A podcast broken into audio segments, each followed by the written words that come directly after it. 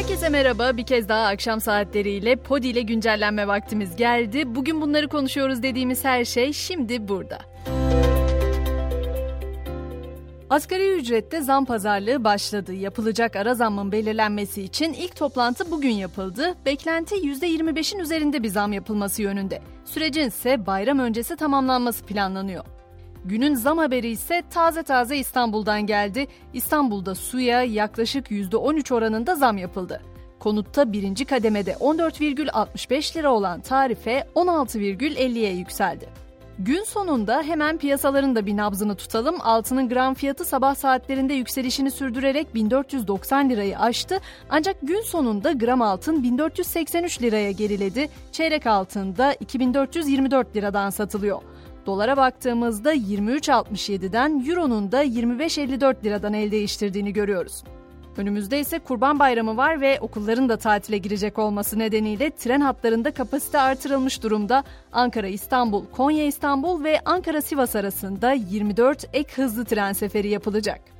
Gelelim bugünün sosyal medyada da gündem yaratan olayına. Samsun'da etkili olan sağanak yağış nedeniyle dereler taştı, yollar göle döndü. İlk adım Atakum, Canik ve Tekkeköy ilçelerinde okullar tatil edildi. Göle dönen yollarda bugün vatandaşların iş yerlerine kayıkla gitmeye çalıştığı görüntüler ise sosyal medyada gündem oldu.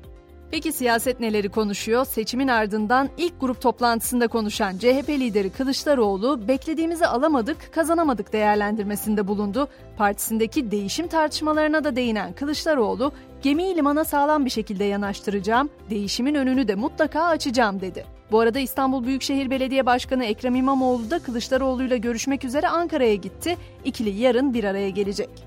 Son günlerde Biontech'in yan etkilerine karşı açılan tazminat davaları tartışılırken yeni bir araştırma dikkat çekti. Covid-19 geçiren 20 milyondan fazla Amerikalının koku ve tat duygusunu kaybettiğine dikkat çekildi bu araştırmada. Üstelik hastalığa yakalananların en az %25'inin bu duyuları geri gelmedi. Dünyadaki yolculuğumuzda bir sonraki durağımız Güney Kore. Orada akıllara durgunluk veren bir olay yaşandı. Başkent Seul'de İngiliz uyruklu serbest tırmanışçı George King Thompson, dünyanın 5. en yüksek binası olan Lot World Tower'a ekipmansız tırmanma girişiminde bulundu. 72. kata kadar ulaşmayı da başardı aslında ama 24 yaşındaki genç polis tarafından gözaltına alındı.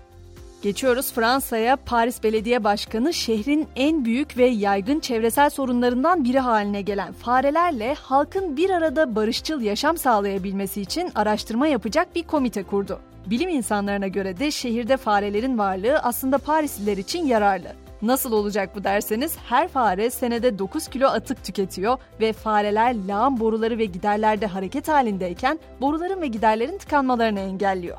Teknoloji dünyasında da Elon Musk bugün Twitter Blue aboneliğine ilginin artması için ilginç bir yola başvuracağını duyurdu. Artık Blue aboneliği olmayan Twitter kullanıcıları günlük mesaj limitine takılacak.